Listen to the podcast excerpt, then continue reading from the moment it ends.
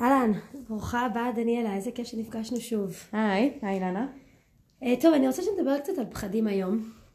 ככה, אה, זה נושא שמעסיק אותי. אני לאחרונה פגשתי שתי זוגות הורים, שיצא לי ככה לדבר דווקא על עניין של הפחדים, ורציתי לדסקס איתך את הסיפור הזה. ומה שרציתי ל- ל- להגיד זה, קודם כל יש הרבה בלבול בין פחד לחרדה. או מה זה, לא, עזבי את העניין של בלבול, יש הרבה פחד מהפחד. זאת אומרת, הרבה מאיתנו הורים פוגשים את הילדים שלנו מפחדים אה, מכל מיני סיטואציות, זה יכול להיות דברים קבועים כמו לישון לבד בחדר, או דברים חד פעמיים כמו יוצאים בביסיטר, והרבה פעמים הורים מפחדים מזה ש... והופכים את זה להיות משהו חרדתי, יש לילדה שלי חרדות, אני צריכה ללכת לפסיכולוגית אמ, וכולי. את נת... נתקלת בזה פעם? את מבינה מה מתכוונת? כאילו שההורים מפחדים מזה שהילד מפחד? כן, וחושבים נבהלים מזה. נבהלים מזה נורא, וחושבים שזה כאילו מהר טיפול פסיכולוגי דחוף עכשיו. אוקיי.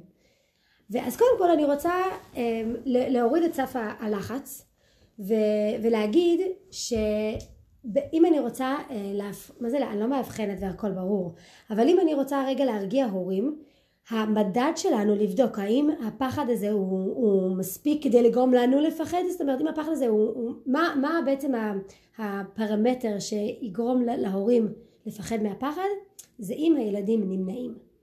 אם ילד נמנע ממשהו באופן קבוע, אם הוא לא עושה משהו כי הוא מפחד, אז נדלקת נורה אדומה. אבל כל עוד יש פחדים, פחדים שאני אקרא לזה סוקו נורמטיביים, אז אני הייתי רוצה שנדבר, שנפרק את הפחד ונחשוב איך מטפלים בזה, מאשר אה, לחשוב שזה משהו ענק, מלחיץ, ו... מבינה מה אני מנסה להגיד? כאילו להב... קודם כל להבחין האם זה נורמטיבי או שזה בתחום ש... שבאמת אה, זה, נכון. ובאמת איך מזהים את זה. ואם מזהים שזה נורמטיבי ורק צריך כלים, אז, אז מה? בדיוק, אוקיי. בדיוק. ויש שאני מדריכת הורים, אני לא, יש דברים שאני אומרת, וואלה, צריך להעביר את זה לטיפול פסיכיאטרי, צריך ללכת למטפלת. יש מקרים שאני מזהה ואני אומרת, זה, לא, לא, זה, לא כבר, זה כבר לא התחום שלי. זה כבר בפתולוגיה. זה פתולוגיה וצריך ללכת, לת- בדיוק. אבל ב, אני רוצה להחזיר רגע, כאילו להחזיר את הפחד לתוך חדר ההדרכה. זאת אומרת, לדבר על הפחד כמשהו שהוא חלק מהחיים של ילדים, והוא לא כל פחד לרוץ ל... כן. ובוא... אבל שנייה, לא, לא כל פחד הוא פתולוגיה, יש גם איז, כאילו תוצאה של טראומה נגיד, שאם נגיד ילד חווה אובדן או משהו, זה כן משהו נכון, נכון. אז זה כן, אז אני, לא- אז גם אותם אני שמה רגע בצד. ש... אוקיי. אני רוצה לדבר על, פחדי, על פחדים שצצים לנו לא כי היה דבר הזה משבר ולא כי אבא נפטר או גירושין, שזה דברים שיכולים אה, באמת אה, לפתח פחד וצריך לדבר, לדבר, לדבר על זה. אני רוצה לדבר על פחדים יומיומיים, פחדים פשוטים שאם לא נטפל, אם לא נדבר נכון אותם עם הילדים שלנו, הם עלולים להיפתח למשהו יותר ח- אוקיי. למשל, כן? כן, אה, דוגמה. יש לך. דוגמה של משהו נגיד שאת חושבת עליו או שאת לא נתקלת אצל הילדים שלך? בטח שאת ללכת לישון, אה, רוצים שאמא תישאר, Mm. אה, פחדים לנסות אוכל חדש, הבית שלי מלא בדוגמאות אז לפחדים. בואי אני אספר על מקרה של אימא שהייתה בדיוק אצלי השבוע, היא אמרה אני נסעתי, לקחתי את הבת שלי לחוג שלה, של חוג שחייה, וראיתי שאני מאחרת. אז אמרתי לה תקשיבי אני מורידה אותך בכניסה, רוצי תתארגני, אני אחנה ואני אבוא. אז היא אמרה לא אין, אין מצב, אני לא, אני לא יורד לבד, אני מחכה לך. האימא אומרת הנה היא מפחדת, זה כבר לא הפעם הראשונה שהיא מבקשת את זה, יש כל מיני דוגמאות בבית של זה, ואז היא אמרה, אני לא מבינה מה הסיפור, את, אני שנייה אחרונה והולכת, חבל על כל דקה של החוג, עד שתתארגני, את תתחילי כבר. והילדה אמרה, לא, בשום אופן, אני מחכה לך, אמא תכני, אנחנו נרד ביחד, אני לא יכולה לרדת לבד, אני מפחדת, מה מפחדת, זה פה מחוץ. ככה, אה, ככה קורית האינטראקציה, ו... ואז האמא מגיעה ואומרת, תקשיבי, יש לילדה שלי בעיה, מה זה? כן, כן, זה קורה המון, דברים מהסוג הזה. כן, וזה קצת דומה גם לדוגמאות שלך, שזה כאילו, שאתה לא מבין מה הבעיה, אין באמת ממה לפחד, הפחד הזה הוא מומצא. וכן, זה קורה, הילד מפחד אה, לדפוק אצל השכנים. בדיוק, אז בואי קצת אולי. על זה. לא? כי זה יש, יכול לשבת על הרבה דברים, זה יכול לשבת באמת על הנושא של, שוואלה, יש ילדים ביישנים, יש ילדים עם יותר תעוזה, בלי פסיכולוגיית אובר. ילד שיש לו משהו יותר כזה שהוא מעז וידפוק לבקש ביצים, יש ילדים שהם מתביישים יותר. וגם העניין של, אה, אז זה, אז זה כאילו נקודה אחת שצריך לראות, רגע להתייחס לזה, והנקודה השנייה זה הילדים שהופכים את זה להיות התנהגותי, שמשתמשים בזה ככלי. שהם לא באמת בהכרח, שאולי יש איזה ניצוץ של בושה, אבל זה כבר נהפך להיות איזשהי דפוס בגלל שהם מרוויחים מזה משהו. בגלל שזה שווה להם להחזיק את ההתנהגות הזאת.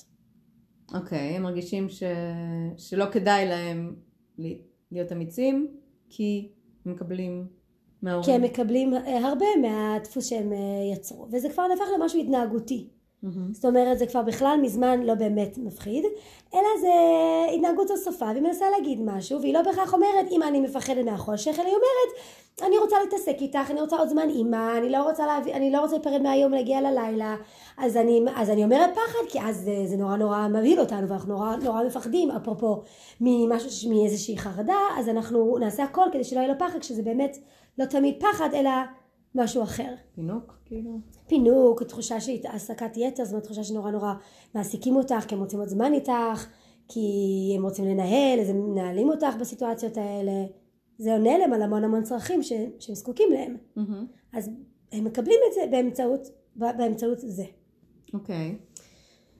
אז אחרי, ש- אחרי שהצפתי זהו, אז אחרי, אחרי שהצפתי את, ה, את הבעיה, את הסיטואציות שקורות ואת הד- את הדפוס הזה שקורה, אני רוצה שנדבר רגע על איך אנחנו מתמודדים עם זה.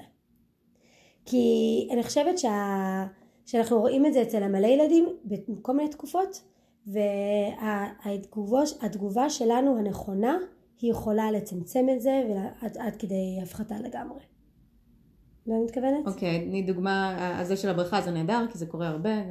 אני למשל מורידה את הילד אה, ליד שער בית ספר כשהוא מאחר, והוא לא מוכן שאני אוריד אותו וללכת לבד. אה, אני צריכה לחנות ולקחת אותו, וזה קצת מעצבן כי אין שם חנייה. מכירה את המקום. וואו. אה, היה, הייתה פעם אחת שהייתי עם התינוקת, ואמרתי לו, תשמע, היום אני לא יכולה. כאילו, כי אני לא יכולה להשאיר אותה לבד באוטו, וזה ממש סיפור להתחיל להוציא אותה מכיס התינוק. ו... ואז הוא, הוא הסכים. אה, אז וואו. כאילו, הוא- קיצור, הוא יכול. הוא פשוט, זה מה שאת אומרת, הוא כאילו... זו דוגמה מצוינת, כן. כי זה כאילו מצד אחד בהתחלה אמרתי וואי באמת, אנחנו יכולים להגיד לעצמנו וואי באמת איזה פדיחות לצאת לבד לכיתה והוא מאחר, אז כאילו לחשוב שיש פה באמת משהו, מהמם. מצד שני ברגע שזה לא מסתדר, הנה עושה את זה כמו גדול. כן, יכול להיות שהוא עדיין יתפתח, אבל הוא אבל מבין שהוא... בדיוק, כולנו, אני חושבת, גם כמבוגרים, כש... איך אומרים, כש... כשהחרב מונחת על הצוואר, אנחנו עושים דברים שלא היינו עושים כשאנחנו בנחת.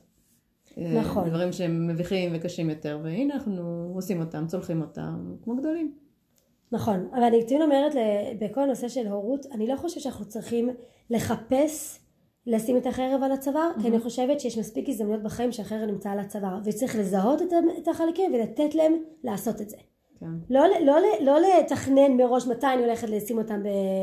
כאילו מתי אני הולכת לשים אותם לפינה, אלא כשהם נמצאים בפינה, לאפשר להם לצלוח את זה. אוקיי. וזה בדיוק אחד הדברים האלה. אז איך אנחנו באמת עושים את הדבר הזה בצורה נכונה? קודם כל להבין באמת, שכמו שאת אומרת, שיכול להיות שבאמת זה נכון, יכול להיות שבאמת הילד הזה מתפתח להיכנס עכשיו באיחור של שעתיים. לא לפסול את ה... בגלל שלנו זה נראה כשטות, לא לפסול את, ה... את, ה... את הרגש. מהמם. כי כל רגש הוא לגיטימי, לא כל התנהגות. ולכן הרגש לגיטימי, כי ככה הוא מרגיש עכשיו, אין לי מה להתווכח על זה, אין לי מה להגיד מה אתה רציני, מה אתה ילד קטן, מה אתה בן ש... זה לא רלוונטי, זה לא תגובה מכבדת, זה לא נעים, וגם זה יכול להיות בכלל לא אמיתי. יש פה עניין סובייקטיבי, אני לא מתרגש מזה, הוא מתרגש מזה. אוקיי. קודם כל וברגע שאני, מפר... ברגע שהפרשנות שלי היא יותר אמפתית, יותר מבינה, יותר מכילה, אז גם ההתנה... ההתנהגות שלי, התגובה שלי תהיה אחרת. אז קודם כל לא לדלג על השלב הזה, זה סופר סופר חשוב להגיד וואלה, יהיו באמת פדיחות, באמת פדיחות, באמת, שיט, איזה באסה, איזה באסה, זה באמת, באמת לא נעים. עכשיו, אם אני יכולה, ל... ל... אם אני יכולה לעזור, זאת אומרת, אם זה לא משהו שמעכב אותי, אז אני עוזרת. אני לא חוששת מזה שאם אני אעזור, אני אגביר את הפחד. אוקיי. אם אני יכולה לחנות כי בדיוק התפנה לי חנייה ובדיוק יש לי זמן ואני בכיף מתאים לי ללוות אותך אז אני אעשה את זה ואני לא אחשוש שאני, שאני מייצרת איזושהי התניה או תלות או מגדילה את הפחד לא אני מסתדר לי אני אלווה אותך מבינה מה אני מנסה להגיד אני מבינה מה את אומרת, אבל לפעמים זה מין כזה... זה לא באמת שאני רוצה לחנות, זה כן מעצבן אותי. אני פשוט יודעת שכאילו המשא ומתן שאני אצטרך לעמוד מולו ולא, לעשות את זה יותר גרוע מאשר לחנות, אז אני כאילו נכנעת קצת מראש. זאת אומרת אני צריכה לבחור בין מה יהיה לי יותר כן, את אומרת מראש, תבואי במקום, במקום מקום נכנע ומסכן, תבואי במקום אה, מפנק. ו- מפנק וגם, וגם באמת מכיל, בדיוק. יש בזה משהו יותר חזק, שכאילו, וואלה, קצת קשה לו, אני יכולה עכשיו, ובואו נפרגן לו. לא לעשות את זה בשמחה, ולא כמו, אני לא מאמינה, איזה ילד מפונק ומעצבן. ובעיקר, בעיקר אם זה באמת, באמת אם מסתדר לך. אני בחיים, אני לא רוצה שהילד ינהל אותנו ולא בדקה אחת. אם באמת יש לי פניות לזה, ואני אומרת לו, אתה יודע מה? בדיוק התפנה חיה, בדיוק יש עשר דקות, איזה כיף לי ללוות, ללוות אותך, אנחנו נרוויח הרבה יותר מכל פתרון אחר, גם, לא משנה, לא ארחיב אפילו כמה נרוויח מה, מהיחס הזה. אבל בואו למשל נגיע לרגעים שאנחנו לא יכולים, שאנחנו לא יכולים, כי אין לנו זמן, אנחנו מהרים, כי אני לא, אין לי חניה ואני באמת צריכה ללכת. לא לדלג על שלב האמפתיה. גם במקום הזה, להגיד לו, יואו, אתה צודק, זה פשוט מבאס, זה פשוט מבאס, ואיזה פדיחות זה, ואני ממש ממש מבינה אותך. מה יכול לעזור? כי אני לא יכולה עכשיו לעצור, אני לא יכולה להיכנס, מה יעזור? ואז מה הוא יגיד לי, מה הוא יענה לי? תלוי, תלוי בילד, תלוי בסיטואציה. אבל אה, תשמעי, בסוף כאילו, גם אם זה עוזר וגם אם לא, אני חושבת שזה נכון מה שאת אומרת, שבסוף חינוך תמיד מתבצע מתוך, אה, מתוך ראייה של הצד שלי ולא מתוך ביקורת. אז ברגע ש... הצד שלו. כן, לא, כאילו חינוך שלי, זאת אומרת שמישהו מחנך אותי, אם אני מרגישה שמבקרים אותי ומתחילים להגיד לי, מה הבעיה שלך? למה את לא... למה את מפחדת? ממה את מפחדת? מה הבעיה? זה פה, זה קרוב, ברגע שנכנסים לספיץ' הזה, וזה קורה לנו אוטומטית, בדיוק. אז, אז הצד השני נחסם, בדיוק. הילד. ואת פה אומרת, אל תיכנסו למקום הזה, של מה הבעיה שלך.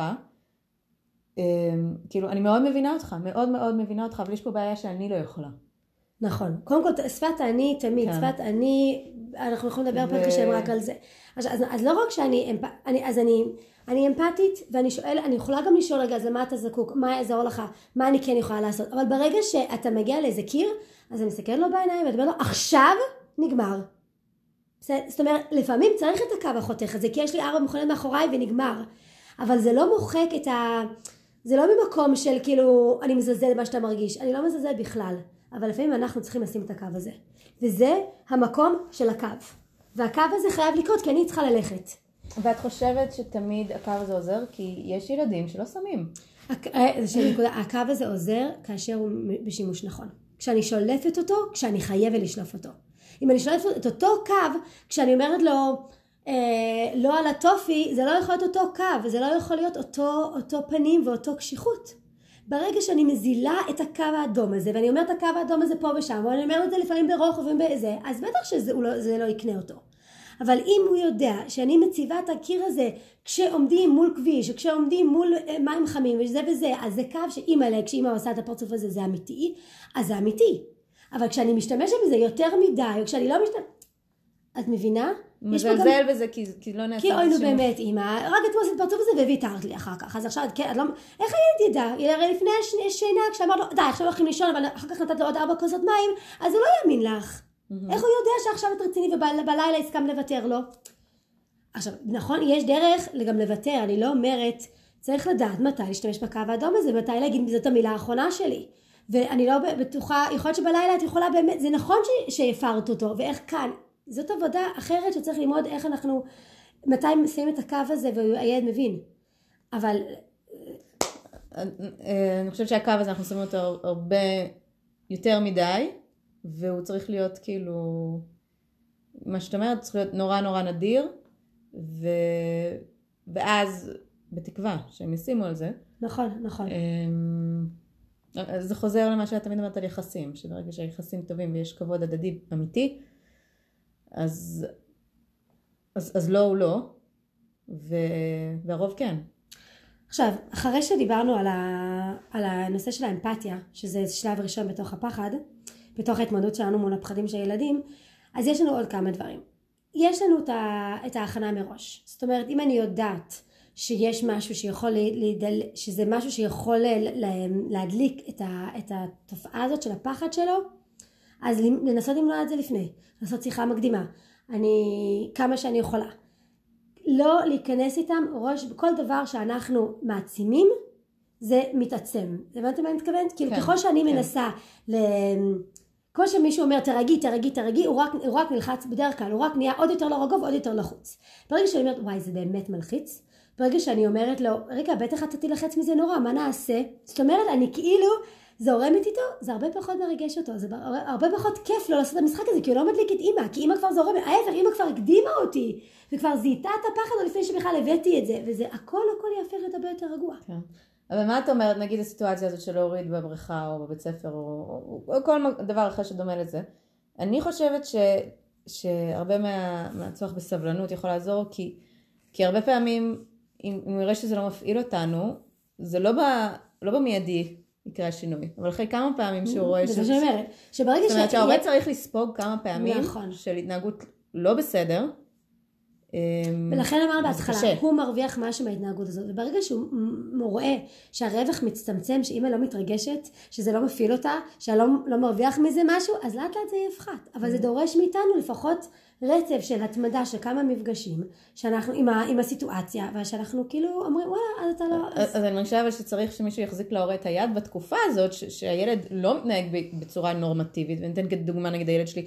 לא הלך לבית ספר, ילד בכיתה א', כן, וזה היה לא נורמטיבי, והיה צריך המון המון סבלנות, לא להתרגש מזה, לתת לו את המקום שלו, לראות אותו, לתת לו להתנגד, עד שעכשיו שבועיים הוא הלך כאילו רצוף. ו... ואת יודעת, זה קצת ללכת על עיוור. בתקופה הזאת ש... ש... כי את לא יודעת אם זה לא... יעבוד? וזה זה עיוור? כן, כאילו, כי בש... בתקופה שהוא לא הלך ושנתנו לו, נתנו לו את האופציה להישאר בבית, היה בזה משהו נורא מבהיל. מצד אחד. נכון. ו- ואין, וגם אין איזשהו, אין, אה, טוב זה סטייה קצת לנושא אחר, אבל אין, אין תעודת ביטוח שזה יקרה בסוף, ואני חושבת שזה הורות, אתה, אתה לא יודע מה יקרה בסוף. אתה צריך לעשות את הצד שלך, ולהיות בסבלנות, ו... נכון. וכאילו, זאת אומרת, אז אם הילד לא רוצה ללכת לבריכה, ונכיל את זה, ונהיה בצד שלו, והוא עדיין לא רוצה ללכת לבריכה, אני אומרת, להגיד להורים, לתת להם איזשהו כוח, שתעשה את זה כמה פעמים, ולאט לאט כנראה גם... שמשהו יירגע אצל הילד. אני גם רוצה רגע לחזק את זה ולהגיד שלא רק תיתן לזה כמה ימים, אלא, אלא אם זה לא עובד, אז תשלוף כלי אחר. כן. אנחנו כהורים צריכים למלא את המכלים שלנו, את הרגל, לא רק מכלי נפשי, כמו הגלי עידוד וזה, גם, גם את הכלים הפיזיים שלנו. כי אם אני נותן איזושהי הדרכה ספציפית, וההורה מגיע ואומר, אילנה, ניסיתי שבוע שלהם רצוף ולא עבד, אני אומר, אוקיי, אז בוא נפתח עכשיו עוד כלי. בוא, אז בוא נלך לאסטרטגיה אחרת. צריך המון המון יצירתיות וסבלנות, לעמוד מול ילד כזה, ובצורה... והמון, בצורה והמון גיוון. אני, אני, אני רואה את זה על עצמי, זה דורש ממני המון, המון. נכון, נכון. אמ, אבל יש לי זמן. ו... ו... ואני חושבת שאנחנו במרוץ של חיים, זה נכון, שזה לא נכון. מאפשר. אני, אני אבל נלחמת על זה שיהיה לי זמן, והשאלה, האם, האם זה חלק מהאחריות ההורית שלנו? לדאוג שלא נגיע כמו סמרטוט לשלב הילדים. מה את מתכוונת? האם זה גם חלק מהאחריות ההורית שלנו? כי כל הדברים האלה זה טוב ויפה, אבל בסוף כשאנחנו אחרי, אה, אחרי עבודה מאוד מאוד עמוסה, ואנחנו חוזרים הביתה, והבית עמוס, לא יש לנו לא אחריות לא הורית, נשאר... קודם כל לדאוג לעצמנו, בדיוק כמו אה, מסך הח... מסכת החמצן במטוס. אבל איך עושים את זה בעולם ש... שלא מאפשר? כל אחד מוצא, כל אחד מוצא את התחביב שהוא הולך עליו, את הריצה עם החברות, את השיחה עם האחות, את המשהו שמעודד, נותן כוח, להביא בייביסיטר ש... שעתיים שנוכל לישון צהריים כדי שטקס הערב שלי יעבור טוב. אוקיי. כל אחד יכול לעשות את זה. אני חושבת שזה נושא לפודקאסט בפני עצמו אפילו. והאמת היא שכדאי לדבר על זה פעם. כן. ובזה אנחנו נסיים. אוקיי, מעולה. אבל אה, טוב, השארתם אותנו במתח. יאללה, להתראות. ביי.